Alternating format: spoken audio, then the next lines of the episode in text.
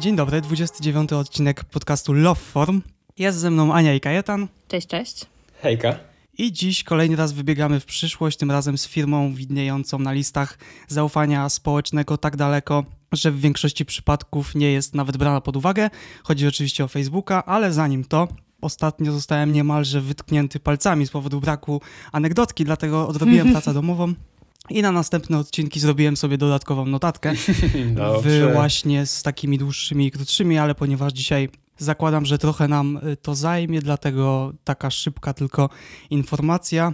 Dzisiaj jak to nagrywamy, czyli 20, tak 20 grudnia 2021. Czekam na paczkę. Początkowo długo szukałem tego sprzętu, ale w końcu udało mi się znaleźć i zapowiadany kiedyś odcinek nadejdzie już niedługo, a dokładnie recenzja Pixela 6 z perspektywy tak. osoby nie mającej nic wspólnego z Androidem od super. co najmniej 7 lat. Y, no i właśnie nie mogę się doczekać, dlatego że to będzie faktycznie coś dla mnie bardzo nowego, bo zazwyczaj jak brałem nie swój telefon, żeby coś tam zmienić czy wyszukać, to jak nie jakiś asystent, to inne dziwne miejsca mi się pojawiały po każdym dotknięciu, także myślę, że odcinek będzie całkiem fajny w przyszłym roku. Pierwszy odcinek 2022. Zobaczymy, czy pierwszy. Planów jest dużo.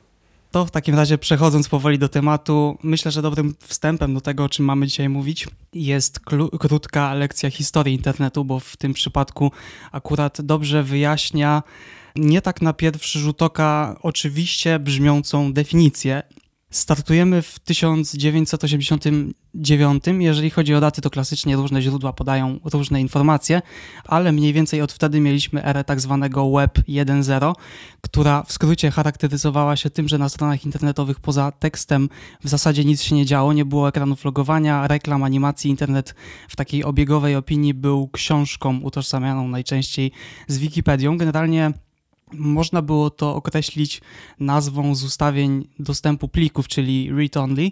Dalej lądujemy w okolicach 2004 roku, gdzie internet zaczął pozwalać na interakcję użytkownikom i to właśnie wtedy staliśmy się zalogowanymi i w pełni namierzalnymi zbiorami danych. I wracając do terminologii plików, teraz do read-only doszło jeszcze read and write. To lub jest. jak też y, mówią bardziej świadomi użytkownicy, bardziej świadomi ludzie o tych czasach, to właśnie wtedy zaczął się Age of Targeted Ads i w tym mhm. tkwimy do dziś. Tak. I teraz stajemy w miejscu historii, która idzie następny krok dalej, czyli zapowiadany przez e, wielu, w tym właśnie przez Zuckerberga Web 3.0, który w założeniu ma, mówiąc dość technicznie zdecentralizować źródła danych i dać użytkownikom dostęp, oczywiście też w pewnych granicach wiekowych i tak dalej, do większości treści w internecie obecnie porozdzielanych między miliony różnych forów, stron i tak dalej.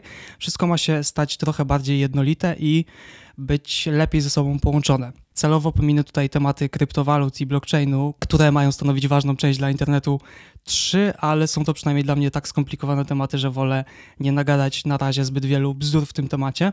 Ważną częścią internetu ma być przestrzeń, która będzie scalała wszystkie te źródła. Zapowiedź takiego miejsca dostaliśmy od Facebooka i to właśnie będzie Metaverse. Tak, dokładnie. Tak, bo generalnie y, mamy tutaj z perspektywy osoby, która pracuje w firmie, która ma w nazwie Meta, to chciałabym tutaj jakby przedstawić tę y, różnicę pomiędzy jakby tym konceptem metaverse, tym co mamy i znamy y, do tej pory, czyli VR, wirtualna rzeczywistość, XR, czyli Extended Reality, czyli rozszerzona rzeczywistość i AR, czyli Augmented Reality, czyli zmieniona rzeczywistość? No właśnie mam ciekaw, co to powiesz, bo to jest w sumie roz, rozszerzona chyba tak naprawdę. Właśnie nie, bo to jest właśnie, bo augmented i extended to są dwie kompletnie różne rzeczy e, generalnie. Ja wiem, nie, to ja jestem w pełni świadom, ale polskich słów teraz szukam. No. Szybki Google. Rozszerzona to XR. Augmented to dla, również rozszerzona. Okej. Okay. Dobra. To poszukam lepszego źródła w międzyczasie, a operujmy na angielskich terminach. Tak, a ja w międzyczasie wyjaśnię, jaka jest różnica, bo generalnie mamy tak, mamy virtual reality, czyli właśnie ta wirtualna rzeczywistość, czyli kompletne zanurzenie się w czymś kompletnie innym, czyli zakładamy sobie na głowę e, headset e, i jesteśmy w kompletnie innym świecie, wyglądamy nie jak my, tylko jak jakiś kompletnie inne, e, inna postać i to jest ta wirtualna rzeczywistość. Potem mamy następnym takim, na, na takiej skali od kompletnej wirtualności do kompletnej normalności jest XR, czyli Extended Reality i to jest nadal przy użyciu e, headsetu, z tym, że w tym headsetie możemy widzieć innych ludzi albo inne obiekty, które są w naszej e, rzeczywistości. Możemy też widzieć siebie. I to na przykład ja ostatnio byłam w, e, na targach militarnych, gdzie były różnego rodzaju treningi dla wojska. I oni używali tego właśnie, e, tej technologii XR do widzenia innych ludzi w danej przestrzeni ale symulowania cały czas bycia na polu walki i tego typu rzeczy. Czyli tutaj mamy cały czas jesteśmy w tym wirtualnym świecie, ale widzimy elementy tego normalnego świata. Potem mamy augmented reality, czyli to jest to, co Apple bardzo próbuje pchać do szerszej e, publiczności. I w tym momencie już nie mamy e, headsetów i tego typu rzeczy, ale przez ekran czy telefonu, czy tableta możemy zobaczyć ten taki inny świat, ale jesteśmy głównym światem, który widzimy, jest cały czas ten nasz świat. I tutaj jesteśmy już bardzo blisko tej normalnej rzeczywistości. I teraz Metaverse jest taką dziwną mieszanką trochę wszystkiego, bo z jednej strony e, tworzymy swojego awatara tak, jakbyśmy byli w tej wirtualnej rzeczywistości, ale z drugiej strony jesteśmy cały czas w tej normalności, gdzie E, możemy sobie rozmawiać z innymi ludźmi, więc trochę niby to jest XR, ale z drugiej strony e, nie mamy tutaj żadnych headsetów tego typu, chociaż też może być taka opcja, ponieważ firma była Facebook, posiadała inną firmę, byłą Oculus. Obydwie firmy teraz się nazywają Meta, także już nie ma Oculus Quest, tylko jest Meta Quest. A to mnie zdziwiłeś. Że co, że już się nie nazywa Oculus? No, myślałem, że dalej jest Oculus. Też myślałam, naprawdę się zdziwiłam, że oni go przebrandowali, bo myślałam, że Oculus to jest generalnie bardzo silna marka. Teraz nie trzeba mieć konta na Instagram, na Facebooku, żeby tego używać, prawda? Tak, ale to coś innego jeszcze.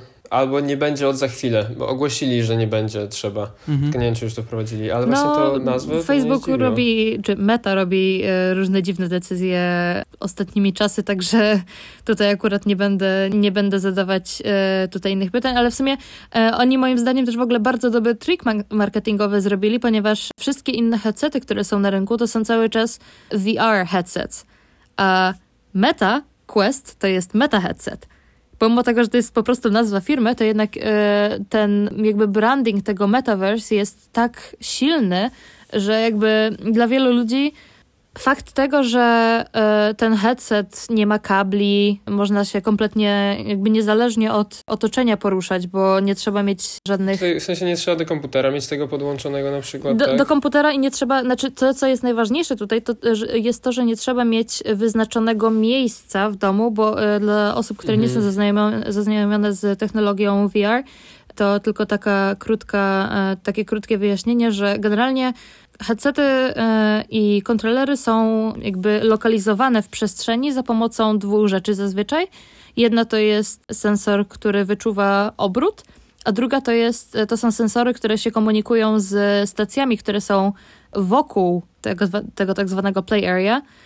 I one się komunikują e, z tymi stacjami za pomocą fali podczerwonych.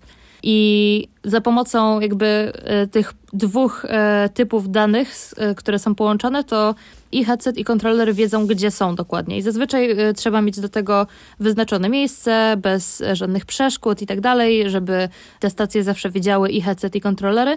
A jeżeli właśnie tutaj chodzi o Meta Quest, czy Oculus Quest 2, czyli e, najnowszy, tak na dobrą sprawę, chyba headset e, obecnie cały czas, który jest na rynku. Ten headset nie potrzebuje żadnych stacji, on nie potrzebuje mieć wyznaczonego miejsca, jakby granic, po prostu można wyjść za nie, można po swoim całym mieszkaniu chodzić, jeżeli, jeżeli ma się wiarę w swoje możliwości i e, orientację w terenie. I w tym momencie właśnie tutaj jest ten trik. Dlaczego ten Meta Quest czy Meta Headset jest tym kluczem do tego metaverse i tego extended reality w tym Web 3.0, bo to jest coś, co, z czym będzie można chodzić faktycznie po całym domu, cały czas widzieć swoje otoczenie, ale jednocześnie widzieć też innych ludzi i jakby nie jest się zupełnie ograniczonym kablami, e, nie trzeba być podłączonym do prądu, nie trzeba być w wyznaczonym miejscu, po prostu można sobie pójść gdziekolwiek się chce, Może, można być na dworze nawet.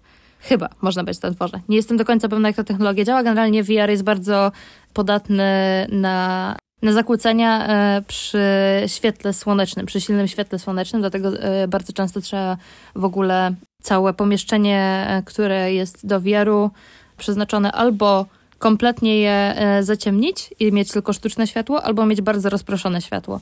E, więc ta technologia obecna VR jest bardzo ograniczona, a ta technologia, którą e, Facebook właśnie wprowadził w Oculusie dwójce, to jest właśnie ten bardzo duży krok w stronę tej takiej wolności wirtualnej. Ale też fizycznej można tak nazwać. Tak, fizycznej i wirtualnej. Właśnie połączenie tej fizyczności i wirtualności.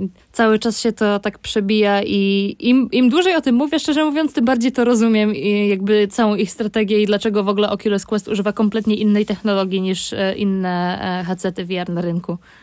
A nie wiem, czy widzieliście ostatnio firma Unreal pokazała swoje okulary do rozszerzonej rzeczywistości na filmikach pokazujących takie realne działanie, czyli nie renderowane reklamy. Wygląda to o dziwo dużo lepiej niż bym się spodziewał. To było pokazane tylko na przykładzie chyba Twittera czy Instagrama po prostu odpalonego gdzieś przed nami w rogu pola widzenia i poruszając się, obracając głową, przybliżając się do tego, czy jakkolwiek uskuteczniać interakcję z tymi portalami, wyglądało to dużo lepiej niż myślałem. I jeżeli Apple w to wejdzie, czy inne firmy, a nie powiedziałbym, że nieznana, ale może się pomylę i gdzieś na świecie jest bardzo popularna, ale jeżeli taka dla mnie no-name'owa firma robi to na tyle ok, no to jeżeli wejdzie Samsung, Huawei, Apple, Facebook ze swoimi, to myślę, że będzie to w dość szybkim czasie dobrze działało. No. no, brzmi to generalnie bardzo ciekawie i właśnie to tak trochę też e, przypomina o tym Apple Glass, czy jakkolwiek się będą nazywały te okulary, które Apple kiedyś tam... 2020 na tę chwilę. 2022, przepraszam. Mhm. No właśnie, tak już się trochę zbliżamy dużymi krokami, a w sumie nadal nie do końca tak na dobrą sprawę wiadomo, jak to będzie wyglądało, co to będzie robiło i tak dalej. Przypomnijmy więc... tylko, że nie było żadnego oficjalnego ogłoszenia, to cały czas tylko na plotkach działamy. Więc Dokładnie. może 222 to też no, plotka. Czy w ogóle to, że to istnieje, to wszystko są na razie pogłoski tak naprawdę. tak samo jak 15-calowy iPad y, z dzisiaj plotka. O, proszę. 15-calowy. Podobno jako element, 12, z tyłu ma być element do montażu na ścianie jako stacja do HomeKita. ciekawe, Monitor ciekawe. po prostu, tak? Mhm. Fajnie, fajnie. No dobra, to przechodzimy chyba z grubsza do, nawet nie z grubsza, do konferencji po kolei. Czy coś jeszcze tak ogólnie? Dobra, ja e, tylko ja dorzucę jeszcze, jeszcze jedną temat... rzecz... O, widzisz, to wszyscy dorzucamy rzeczy dzisiaj. Ja chciałem tylko szybko zwrócić wynik tego rezultatu Google, który szukałem. E, tak jak po polsku są bardzo kiepskie odpowiedniki AR versus XR, e, więc to, co znalazłem, to było skrzyżowana rzeczywistość, ale to było chyba prześmiewczo. Więc e, zostajemy tak. przy tym, że to jest rozszerzona i ta druga rozszerzona. AR Jedna rozszerzona bardziej niż druga. XR. No, jedna bardziej niż druga, dokładnie. Pozostawiamy do widzów, e, słuchaczy, żeby wiedzieli, która to która. Dobra, a jeszcze tak a propos e, Unreal, e, to jeżeli ktoś jest zaznajomiony e, To znaczy Unreal z... czy Unreal, bo Unreal to jest y, silnik. No, silnik to jest coś innego niż to, co Piotrek mówił chyba. W sensie inna firma. Tak, tak, tak. Nie, ale po prostu e, jako taki segway miało być, że Unreal, haha, ale nie wyszło. Ups. Ale zepsułem. Sorry. Ja też. Nie martw się, razem zepsuliśmy. Ale powiedz, no, bo Unreal 5 wyszła, w sensie pokazana jest dużo ostatnimi czasy i jest fantastyczna. Tak, właśnie mamy, z jednej strony mamy e, Unreal Engine 5, który e, pozwala na bardzo realistyczne... Już fotorealistyczne tak naprawdę. Tak, fotorealistyczne elementy otoczenia i tak dalej, które pozwalają właśnie na tworzenie takiego swojego metaverse, bo e, Unreal Engine to jest generalnie bardzo dobry silnik, na którym można bardzo dużo zrobić, więc całe światy będzie można tam tworzyć również. Ale wcześniej już w tym roku, w okolicach marca, bodajże firma Epic, e, właśnie e, do której należy Unreal, wypuściła coś, co się nazywa MetaHumans. Tak. I nie wiem, na ile e, wy jesteście zaznajomieni, czy, czy Kajto i Piotrek, czy słuchacze, ale generalnie MetaHumans to są wręcz fotorealistyczne postaci. Postacie? Postaci, postacie? Wiadomo o co chodzi. Awatary? Awatary, tak. MetaHumans to są fotorealistyczne awatary, które można animować dowolnie e, i my na przykład u nas w firmie e, mamy opcję animowania całego ciała, nie mamy opcji animowania twarzy, generalnie pracuję nad tym w tym momencie, bo e, iPhone'em można łatwo animować twarz, tylko trzeba sprawić, żeby telefon się komunikował z komputerem, co jest tutaj akurat trudną opcją. Ale wracając właśnie do tych metahumans, to, to jest kolejne takie zacieranie granicy, co jest prawdziwe, a co jest e, wirtualne, ponieważ poziom detali, który jest e, w tych MetaHumans jest tak niesamowity. To jest, tam jest, na nich jest dosłownie wszystko, od e, struktury cery po te miniaturowe włoski, które mamy na twarzy, które się nazywają Peach Fuzz. Jakby w momencie, w którym jeszcze się to zaanimuje i wrzuci się e, ray tracing do czy animacji, czy, czy gry, czy czegokolwiek, to efekty są tak niesamowite. Nigdy nie widziałam czegoś tak realistycznego, stworzonego sztucznie in real time. Wiecie, że ja po prostu patrzę teraz, coś animuję i to wygląda absolutnie świetnie, bez żadnego, e, bez żadnego retuszu. Naprawdę nie spodziewałam się, że e, taka technologia wejdzie na rynek tak szybko, ale z drugiej strony teraz mamy e, tak potężne komputery w porównaniu do tego, co nawet było 3 czy 4 lata temu. E, że takie rzeczy są możliwe do zrobienia dosłownie w domu, bo taki typowy gamingowy laptop jest w stanie pociągnąć takie operacje, bo no ja w pracy e, operuję generalnie na takim typowym gamingowym laptopie, więc w tym momencie z ilością tego, e, jakby darmowych rzeczy dostępnych na rynku właśnie, czy Unreal Engine, MetaHumans też są darmowe. Moja firma też właśnie na przykład wypuściła darmowe system IK, czyli Inverse Kinematics, e, czyli po prostu full body motion capture. Więc jeżeli ma się po prostu kilka trackerów, to można całe ciało sobie zanimować, e, do tego dorzucić iPhone'a, zanimować twarz i tam trochę się pobawić z palcami albo coś tam też znaleźć e, z jakiejś dolnej półki, to w tym momencie tak na dobrą sprawę każdy taki typowy Kowalski jest w stanie w domu robić animacje, które jeszcze parę lat temu były jakby ograniczone wyłącznie do gigantycznych studiów, które miały wielkie budżety i świetny sprzęt. Więc to jest taka też e, rewolucja tutaj dosyć duża, która mnie osobiście bardzo się podoba, bo no, twórcy mają w tym momencie duże pole do popisu te awatary, które zostały pokazane na konferencji i od których zacznie się ten cały świat, są oczywiście takie bajkowe. Tam później w kolejnej części prezentacji pokazywali te bardziej fotorealistyczne postacie, postaci. I pojawia się pytanie, bo nie wiem, czy o tym wspomnieli, kto będzie trzymał te e, modele osób? Czy to jest firma właśnie Facebooka, znaczy Mety, czy... Co to znaczy trzymał? Przechowywał? Tam zostało powiedziane coś takiego, że będziemy sobie generowali własny model fotorealistyczny swojej postaci, żeby żyć w tym świecie, poruszać się w nim, zastępując tymi właśnie postaciami te animowane jaszczurki i tak dalej, i tak dalej.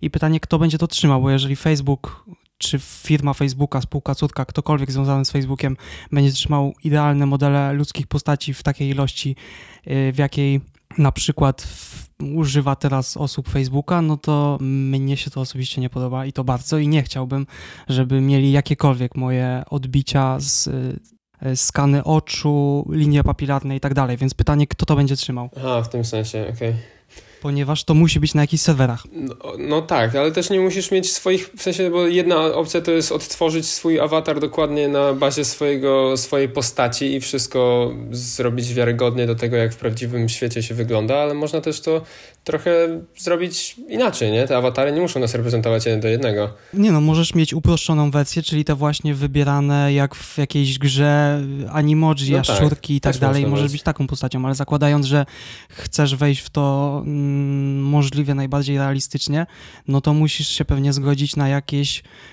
określone warunki. Coś mi się obiło o uszy, że tworząc sobie taki fotorealistyczny mm, model, zgadzasz się na udzielanie wizerunku do postaci trzecioplanowych w grach. Coś takiego to nie słyszałem. Pojęcia.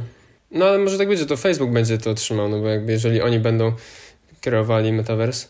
No tak, no bo tutaj mamy tą sytuację, że mamy to wszystko web-based, a nie tak jak na przykład yy, jeżeli chodzi o funkcję odblokowywania telefonów, e, gdzie to wszystko jest przechowywane na danym urządzeniu, bo w tym momencie jakby nie ma tego problemu, bo e, czy Face ID, czy Touch ID, jakby te informacje nie są przechowywane na serwerach, tylko one są przechowywane na tym jednym danym urządzeniu i to jest jedyne miejsce na świecie, gdzie te informacje są przechowywane.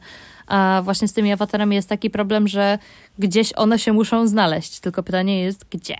No i tą niewiadomą chyba trzeba przejść dalej, no bo się tego nie dowiemy, nie wnioskujemy, natomiast na pewno będzie trzeba na to uważać. No na razie nie mamy więcej informacji. Kolejny temat to coś, na co ja osobiście czekałem chyba czekam dalej, bo tego jeszcze nie mamy najbardziej, czyli wizja wirtualnego domu, która została pokazana.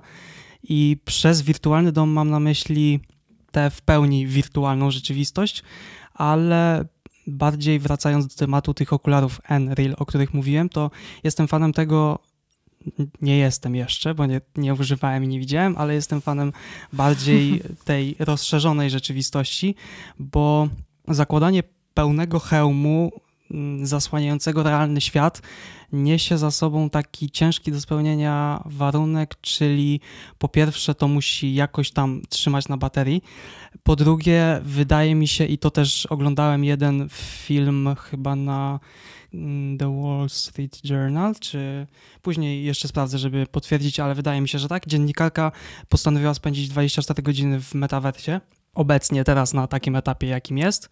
I bardzo skarżyła się po pierwsze na bóle oczu, po drugie mm, ogólne zmęczenie całego organizmu, więc jeżeli to jest reklamowane w przyszłości jako miejsce, alternatywa pracy, w której się siedzi kilka godzin dziennie, to pełny hełm w odróżnieniu nawet od okularów do rozszerzonej rzeczywistości, gdzie możemy wyłączyć niektóre opcje, które widzimy, uchylić po prostu oko za tych okularów, rozejrzeć się, położyć się, spojrzeć przez okno, a tutaj mamy w pełni świat zasłonięty, no to wydaje mi się, że i będzie to ciężkie z powodu właśnie zdrowia, ale też fajniejszy by był po prostu ten, to rozwinięcie świata, czyli to, co zostało pokazane na przykład na testach tych okularów, czyli te dane, które chcemy mieć jakoś zawsze na rzut oka, możemy je mieć przy sobie, cały czas widząc ten realny świat w tych zwykłych, mniejszych zdecydowanie i bardziej przynośnych okularach.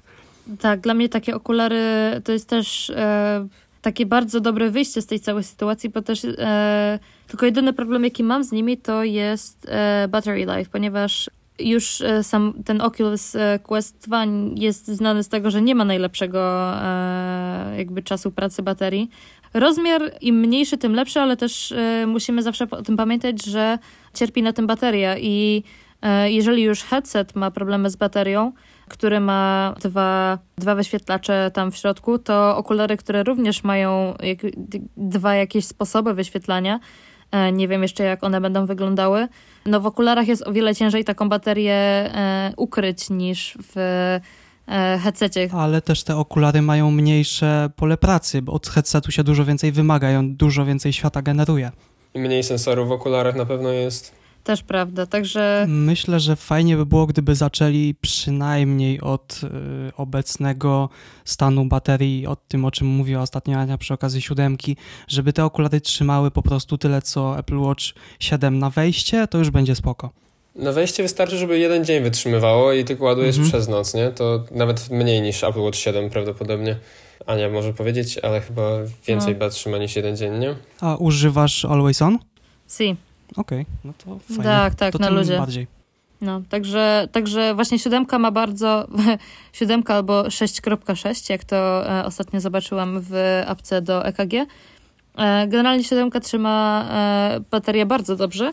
Do tej pory jestem zadowolona i nawet z właśnie całym dniem, gdzie 3 godziny siatkówki, 2 godziny chodzenia i tak dalej, nadal przychodzę do domu z 50-60% 60% baterii, także ale też o tyle będzie właśnie przewagi okularów, że no zakładając hełm w pełni wchodzimy do tego świata, a nosząc okulary po prostu w momencie, gdy, nie wiem, jesteśmy na spacerze i nie chcemy nic widzieć, wyłączamy te wszystkie opcje i bateria dalej jest oszczędzana.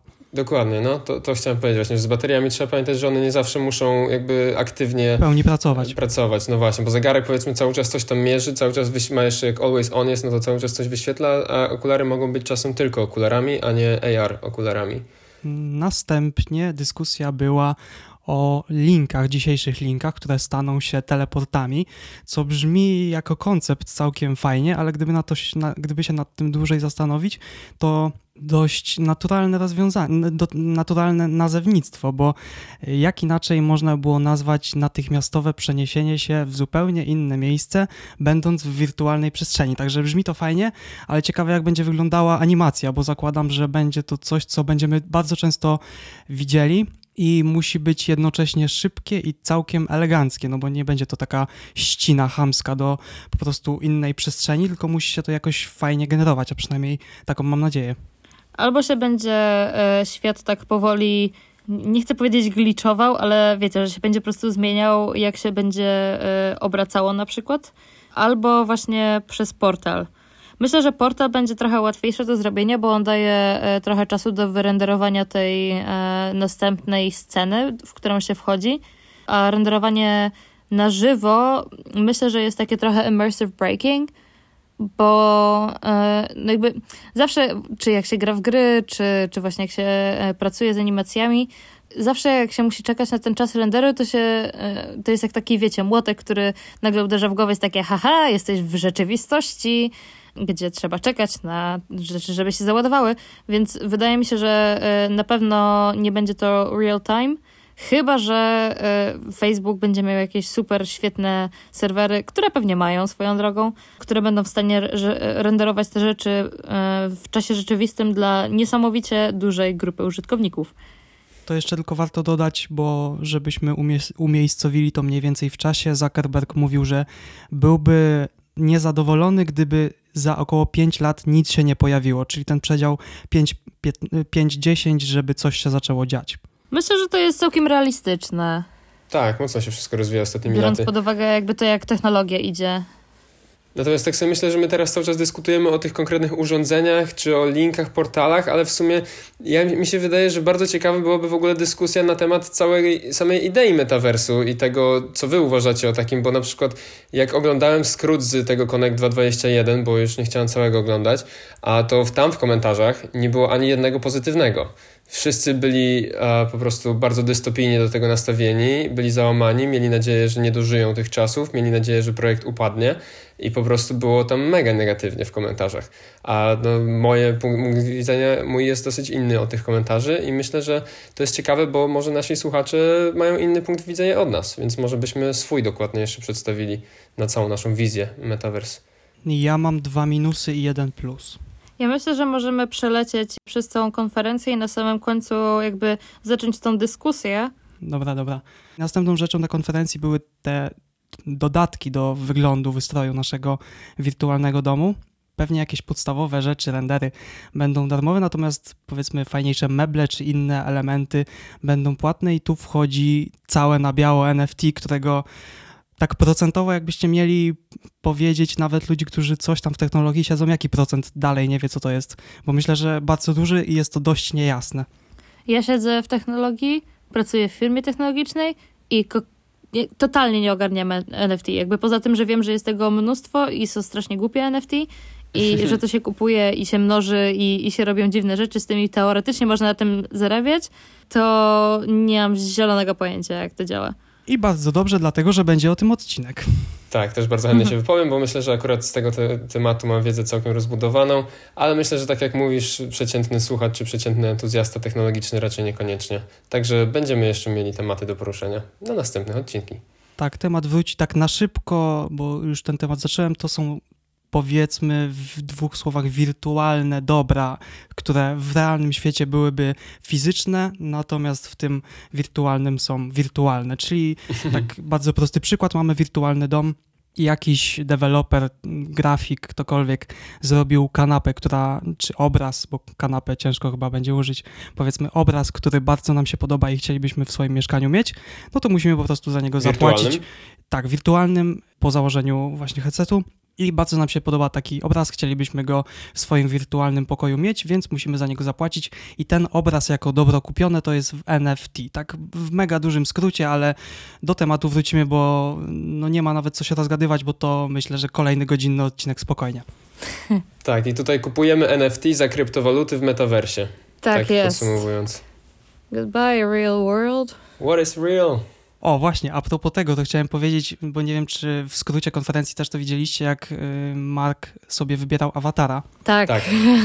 I wybrał sobie takiego dość y, animowanego, ale swoją osobę. Kurczę, mógł wybrać tę jaszczurkę i wtedy się zapytać, co jest realnym światem. to tak pasowało. Ale i tak było tyle e, easter eggów w tej konferencji, że to jest niesamowite. Nie wiem, czy zauważyliście e, jakby większość z nich, czy dopiero potem w memach, ale mnie chyba najbardziej urzekła butelka sosu barbecue gdzieś tam na półce.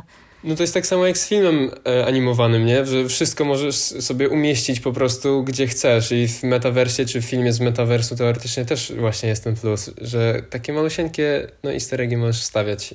Jak dla mnie to generalnie i tak ciekawie było zobaczyć Marka w innym... Wy... Marka. Mhm. Zuckerberga Marka, w innym no Marka. wydaniu niż nagranie z sądu.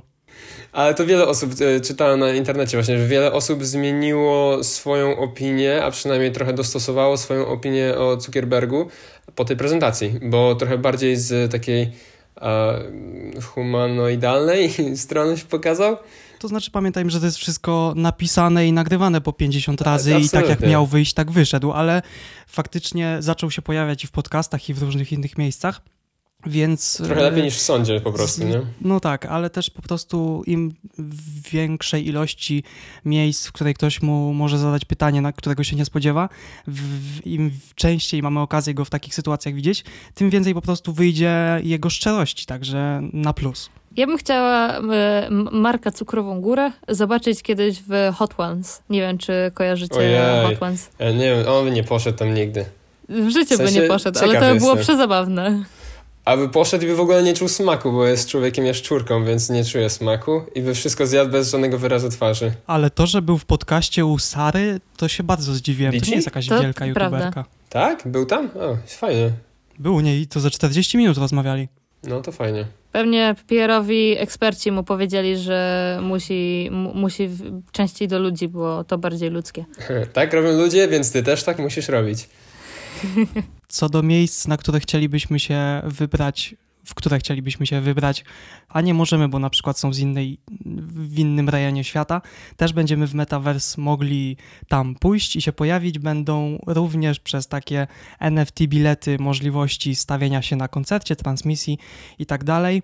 I wydaje mi się, że po pierwsze, o ile to będzie fajna alternatywa, a nie zbyt częste zastępstwo, że ludzie będą woleli to niż się spotkać ze znajomymi i obejrzeć jakiś wyścig. Oczywiście w Metaverse możemy iść grupą kolegów, to jest też jeszcze inna sprawa, ale zakładając, że to będzie fajna alternatywa, to wydaje mi się, że oglądanie na przykład Formuły 1 siedząc na trybunach będzie 10 razy lepsze niż siedzenie przed telewizorem samemu. Dokładnie. Zwłaszcza po, po tym, co się działo na ostatnim Ale to znowu wyścigu. kolejny odcinek naszego podcastu. Tak Oj, jest. to, I to też bardzo długi, także Tak, kolejka jest zapisana, najbliższy 2022 rok praktycznie. Jedyne, co chciałbym spróbować już teraz, bo no Formuła 1 poczekam też, na pewno chętnie skorzystam w zależności od cen, bo wydaje mi się, że darmowe to to raczej nie będzie taki koncert. Ale powinno być na pewno tańsze niż prawdziwe bilety, bo... Nie, no to oczywiście. Więc no to tak. i tak jest no, fajna bariera wejścia, nie? Fizycznie. No właśnie, także będzie łatwiej wejść. I też fajnie będzie, bo jakby na trybunach się siedzi w jednym miejscu i się widzi tylko wycinek toru. Tak, a tam się A jak się będzie nawet na. Tak, dokładnie. Będą cię przesiadać i będzie widzieć. Albo, tak jak teraz jest w aplikacji do F1 Pro, siadasz sobie w bolidzie konkretnego kierowcy i jedziesz. No i nawet możesz radio mieć na bieżąco. Także No, fajnie. Bardzo chciałbym usiąść w takim wirtualnym studiu i na przykład nagrać we trójkę podcast. To by było ciekawe i do takich zastosowań myślę, że ekstra. A to Tym bardziej, fajne. że wszystkie 100% odcinków nagrywamy nie widząc się. To byśmy zrobili w końcu wersję wideo naszego podcastu. Animowaną taką. Dla mnie spoko. Mamy animoji wszyscy, czy nie, jak to? Mimoji, o. Znaczy nie, nie wiem, czy mamy Mimoji. wszyscy, ale jest coś takiego dostępnego dla nas wszystkich, więc moglibyśmy teoretycznie to użyć. No, ciekawe. Wszystko przed nami jeszcze. 2.22. Także idąc dalej, właśnie mm, pokazana została partyjka ping-ponga w centrum Nowego Jorku i o ile w pełni wirtualna przestrzeń jest możliwa nawet teraz do rozegrania, bo chyba, no nie Kinect, bo to już są odległe lata, w ogóle Kinect jeszcze istnieje, jest rozwijany, czy to już zostało, nie wiem, sprzedane, zabite? Myślę, że Nie gdzieś zostało sprzedane, ale. Chociaż w sumie PlayStation nie przejęło tej technologii w jakiś sposób, bo wydaje mi się, że. E... Czy to było od PlayStation? Bo wiem, że e...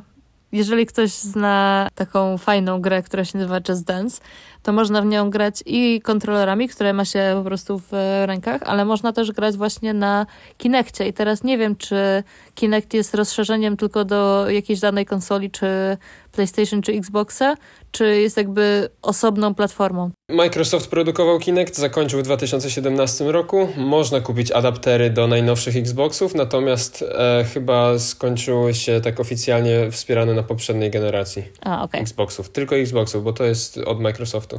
Okej, okay, no ale właśnie generalnie ta przestrzeń w pełni w grze, no czy stojąc przed telewizorem, czy w hełmie do, do e, wirtualnej rzeczywistości, to jedno, ale tutaj została pokazana w pełni płynna gra z renderowanym na bieżąco widokiem Nowego Jorku.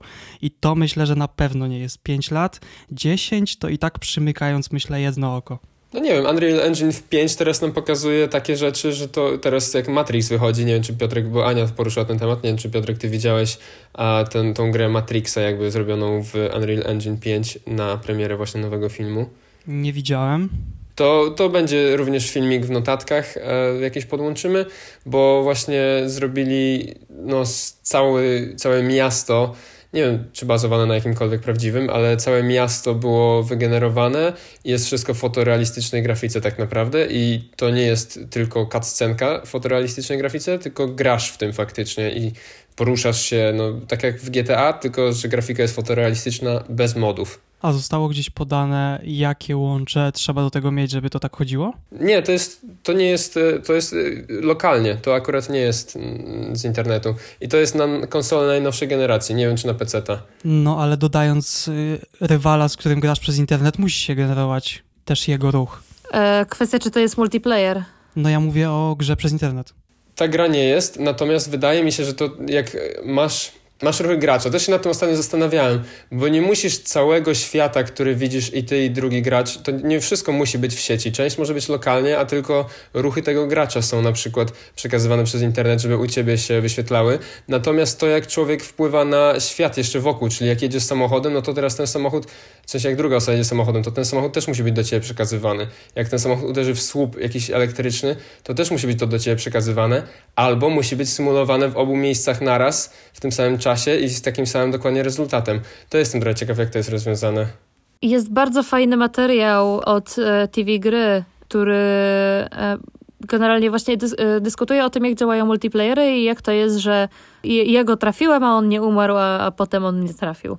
Generalnie to jest tak, że jak ma się multiplayery, to gra próbuje przewidzieć, co my zrobimy i umieścić nas w danym Właśnie, miejscu. No to jest mniejszymi wydatkami mocy. A jeżeli ktoś zrobi jakiś inny ruch, to tutaj w tym momencie pojawia się ten moment lagu, który e, musi zostać e, skorygowany i dlatego właśnie są bardzo często te sytuacje, gdzie jesteśmy pewni, że kogoś trafiliśmy, ale jednak tego kogoś nie trafiliśmy, ponieważ e, to, co widzieliśmy, to była tylko symulacja na podstawie ruchów tej, tego naszego przeciwnika, a nie faktycznie to, gdzie on się znajdował, ponieważ nadal istnieje właśnie to zjawisko lagu, więc e, tutaj myślę, że to nie będzie też e, się wiele różniło w tej grze Matrixowej, co nie zmienia faktu, że e, to, co jest generowane do nas i przesyłane do nas, to jest tylko pozycja i animacje, czyli odpalona któraś tam animacja danego użytkownika, a nie jakby cały ten jego świat, więc to akurat tutaj nie jest dosyć dużym problemem.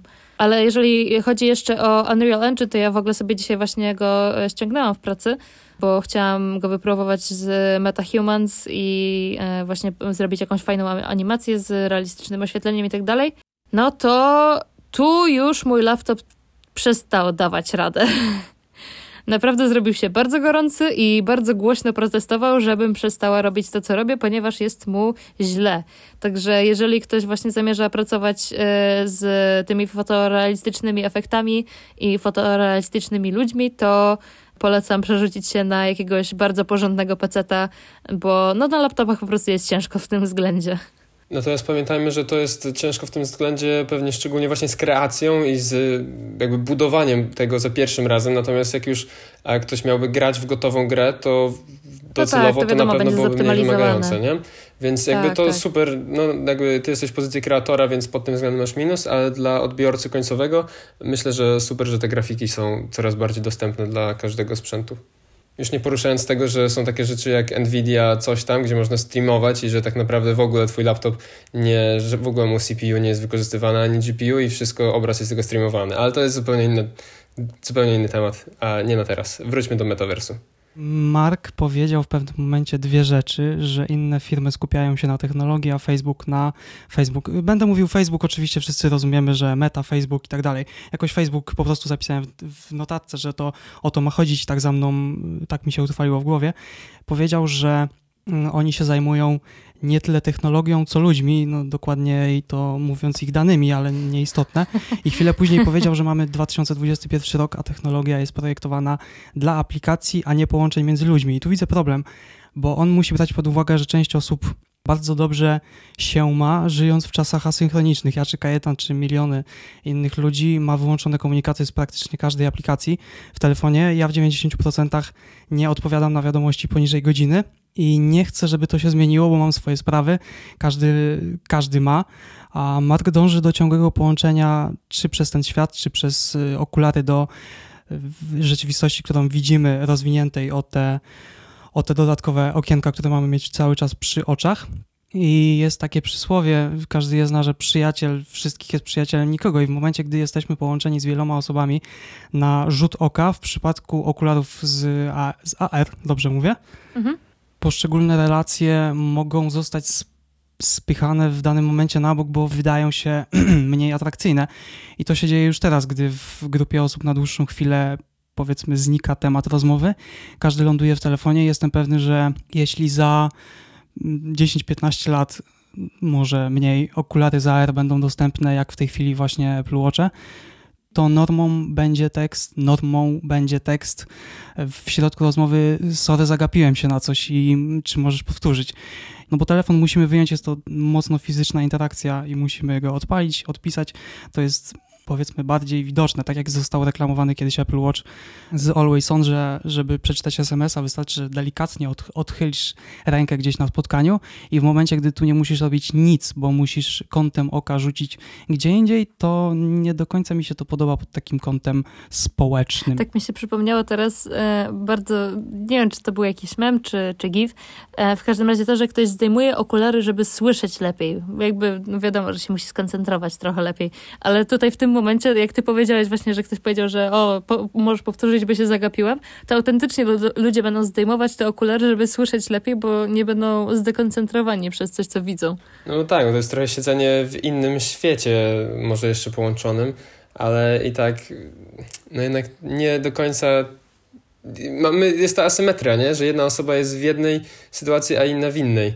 I troszkę to utrudnia komunikację jednak to przechodząc dalej do drugiego mało optymistycznego argumentu, do tej całej wizji metaverse, są dwie podstawowe rzeczy, przez które ludzie mniej lub bardziej, powiedzmy, odklejają się i to są pieniądze i władza. W obu przypadkach, zakładając, że nie wygrywamy nic na loterii, trzeba włożyć na przykład w awans w pracy trochę pracy właśnie i pojawia się problem, bo teraz dokładamy trzecią cegiełkę, czyli miejsce, w którym wszystko jest dokładnie tak, jak chcemy, bo jeśli ktoś czegoś, kogoś nie lubi, to to banujemy i to się nam po prostu nie wyświetla, dlatego że będą algorytmy pozwalające nam to robić, dlatego że dostawcy będą chcieli przytrzymać nas w tym świecie jak najdłużej, więc będą chcieli go dostosować do nas tak, żeby im się to opłacało, ale żeby nam się to maksymalnie podobało.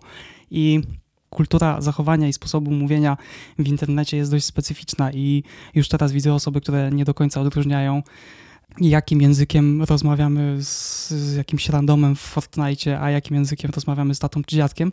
I oczywiście zawsze są to, w większości, są to młode osoby.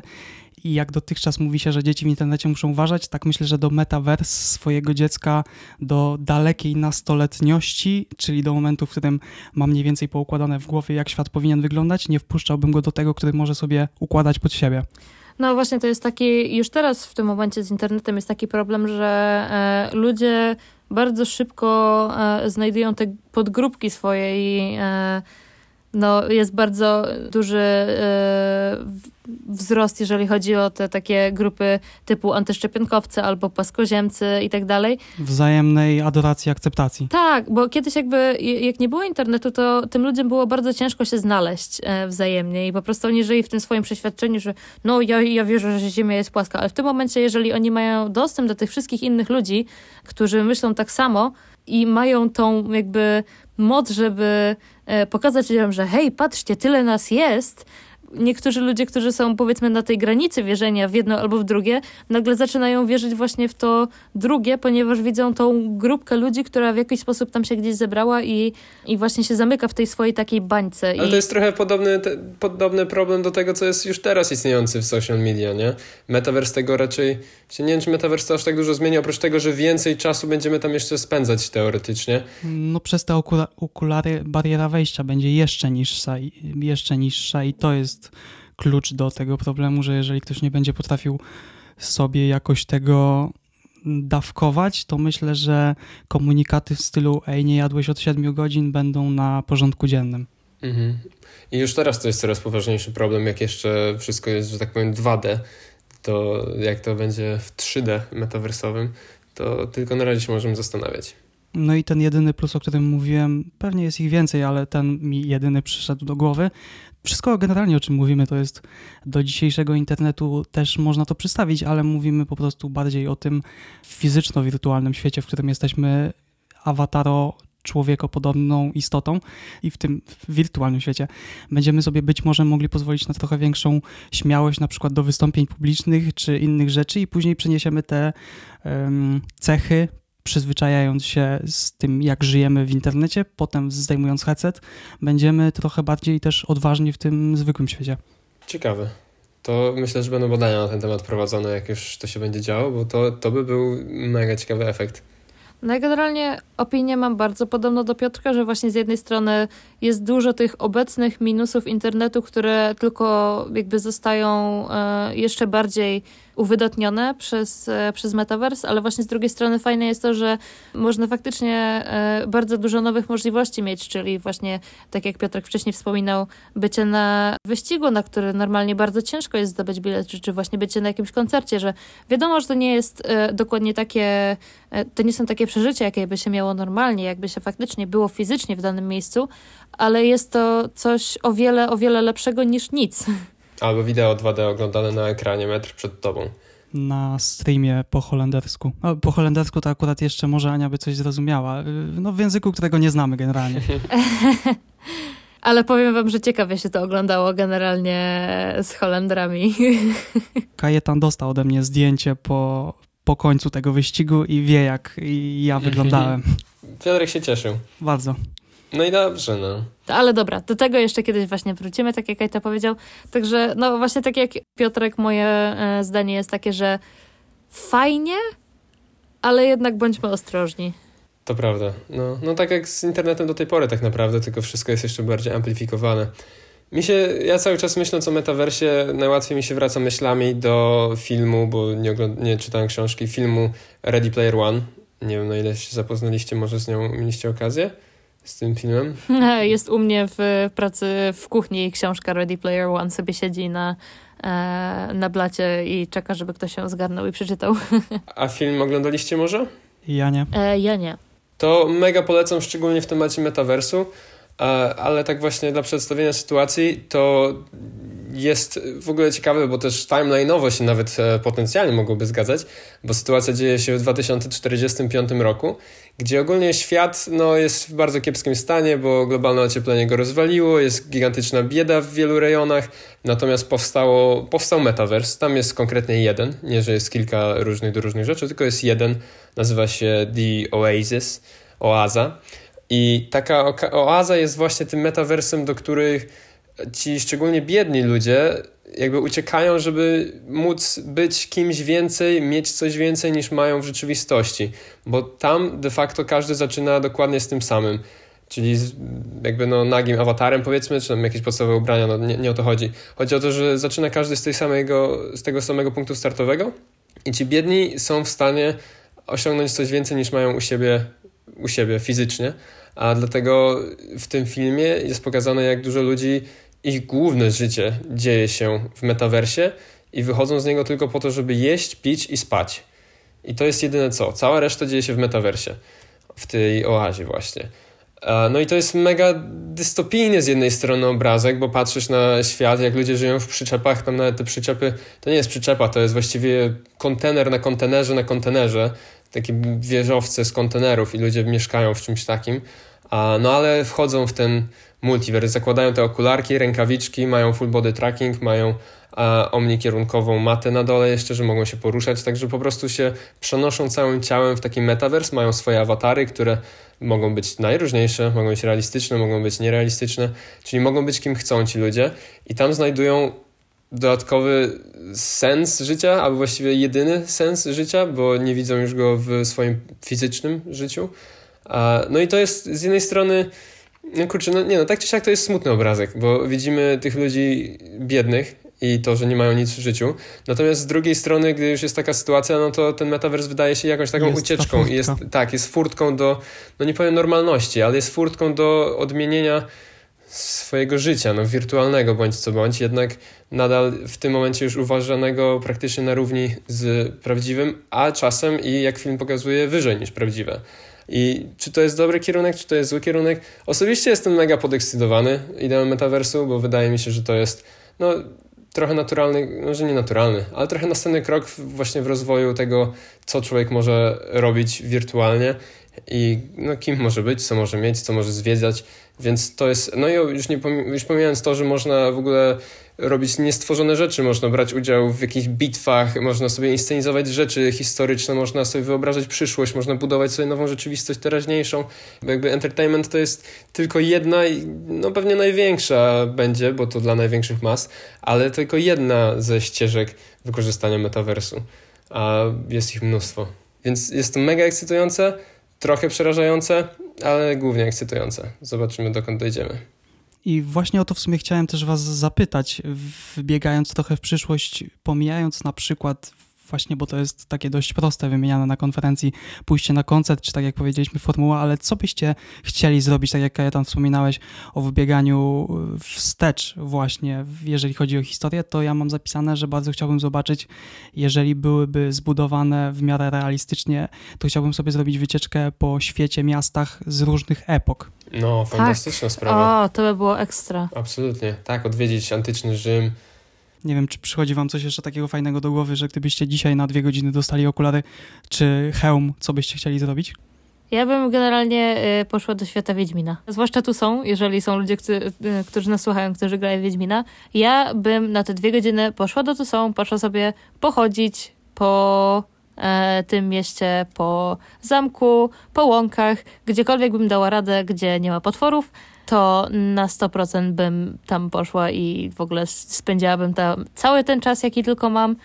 O, mam świetny koncept. Ja bym się najchętniej przeniósł w pewnych momentach od czasu do czasu do świata, w którym nie ma internetu, przez metaverse. Wow, ha. to dopiero meta. Ej, ale właśnie tak czasami się zastanawiałam nad tym, e, że w sumie to powiedzmy tam te lata 70. czy 80. są ekstra, nie? Pod względem tego, co tam się działo, właśnie jaka technologia tam się wtedy rozwijała. A tak sobie teraz myślę, że kurczę, nie mieć smartfona, nie mieć GPS-a, nie mieć internetu, po prostu nie mieć całej tej wiedzy. Ale też nie wiedząc, że takie coś może istnieć. Tak, z jednej strony właśnie to jest to, że jakby przeniesienie się tam z wiedzą tą, jaka jest przyszłość, czy to by było lepsze niż przeniesienie się z y, brakiem tej wiedzy i po prostu życiem w tych czasach takim, tak, o. Brak tej wiedzy to kolejny krok, już zbliżamy się do Matrixa, wtedy na przykład możemy, wiesz, selektywnie wybierać wiedzę, którą chcemy na jakiś czas na przykład usunąć z głowy, czy jakieś hmm. wspomnienia, hmm. doświadczenia i wtedy możesz się na określony czas przenieść i jakby nie wiedzieć, że jesteś tam w symulacji, tylko czuć się, jakby, jakby to była twoja rzeczywistość.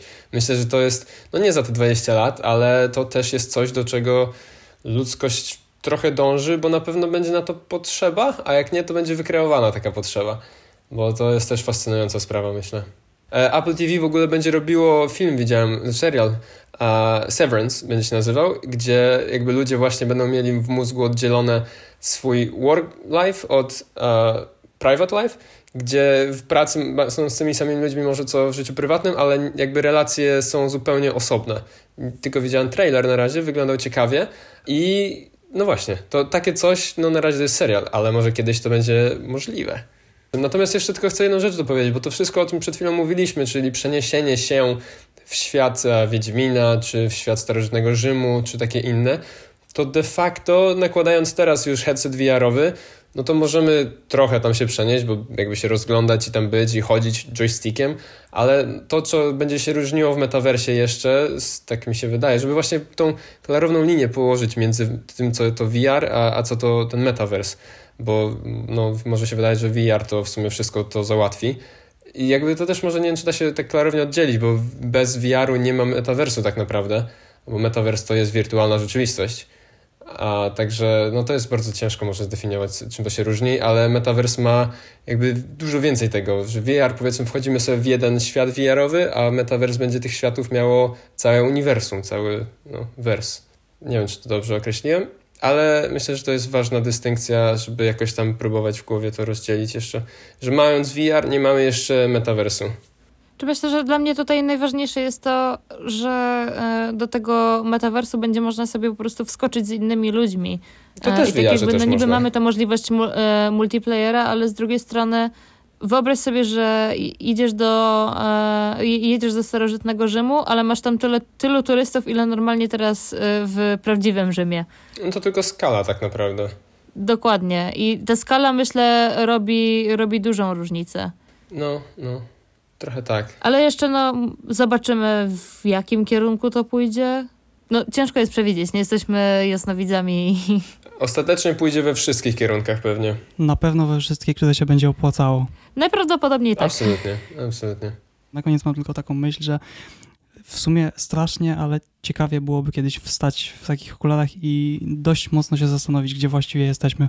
No, i co jest prawdziwe. To jest pytanie, które będziemy sobie zadawać coraz częściej w najbliższych latach pewnie.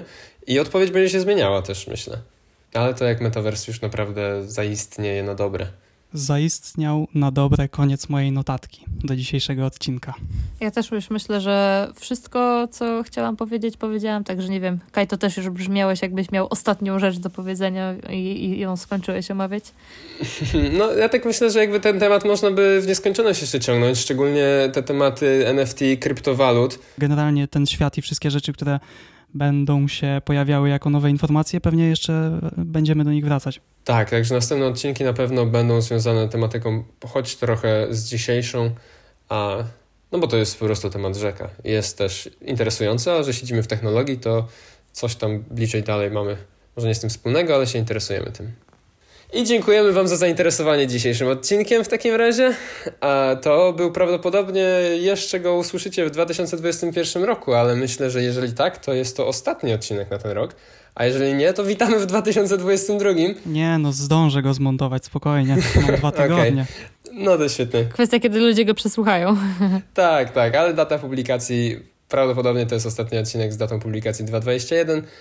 Także jeżeli zdążycie słuchać tego przed Sylwestrem, to szczęśliwego nowego roku jeszcze wam wszystkim. Bawcie się dobrze i bezpiecznie. A generalnie rok całego tego podcastu jeszcze będziemy podsumowali w styczniu, gdy ukaże się 30 któryś odcinek jubileuszowy. Z tego co pamiętam 19 stycznia chyba był pierwszy, bo 16, o, 16 stycznia nagrywaliśmy tak. i 19 był opublikowany, także rocznica się zbliża.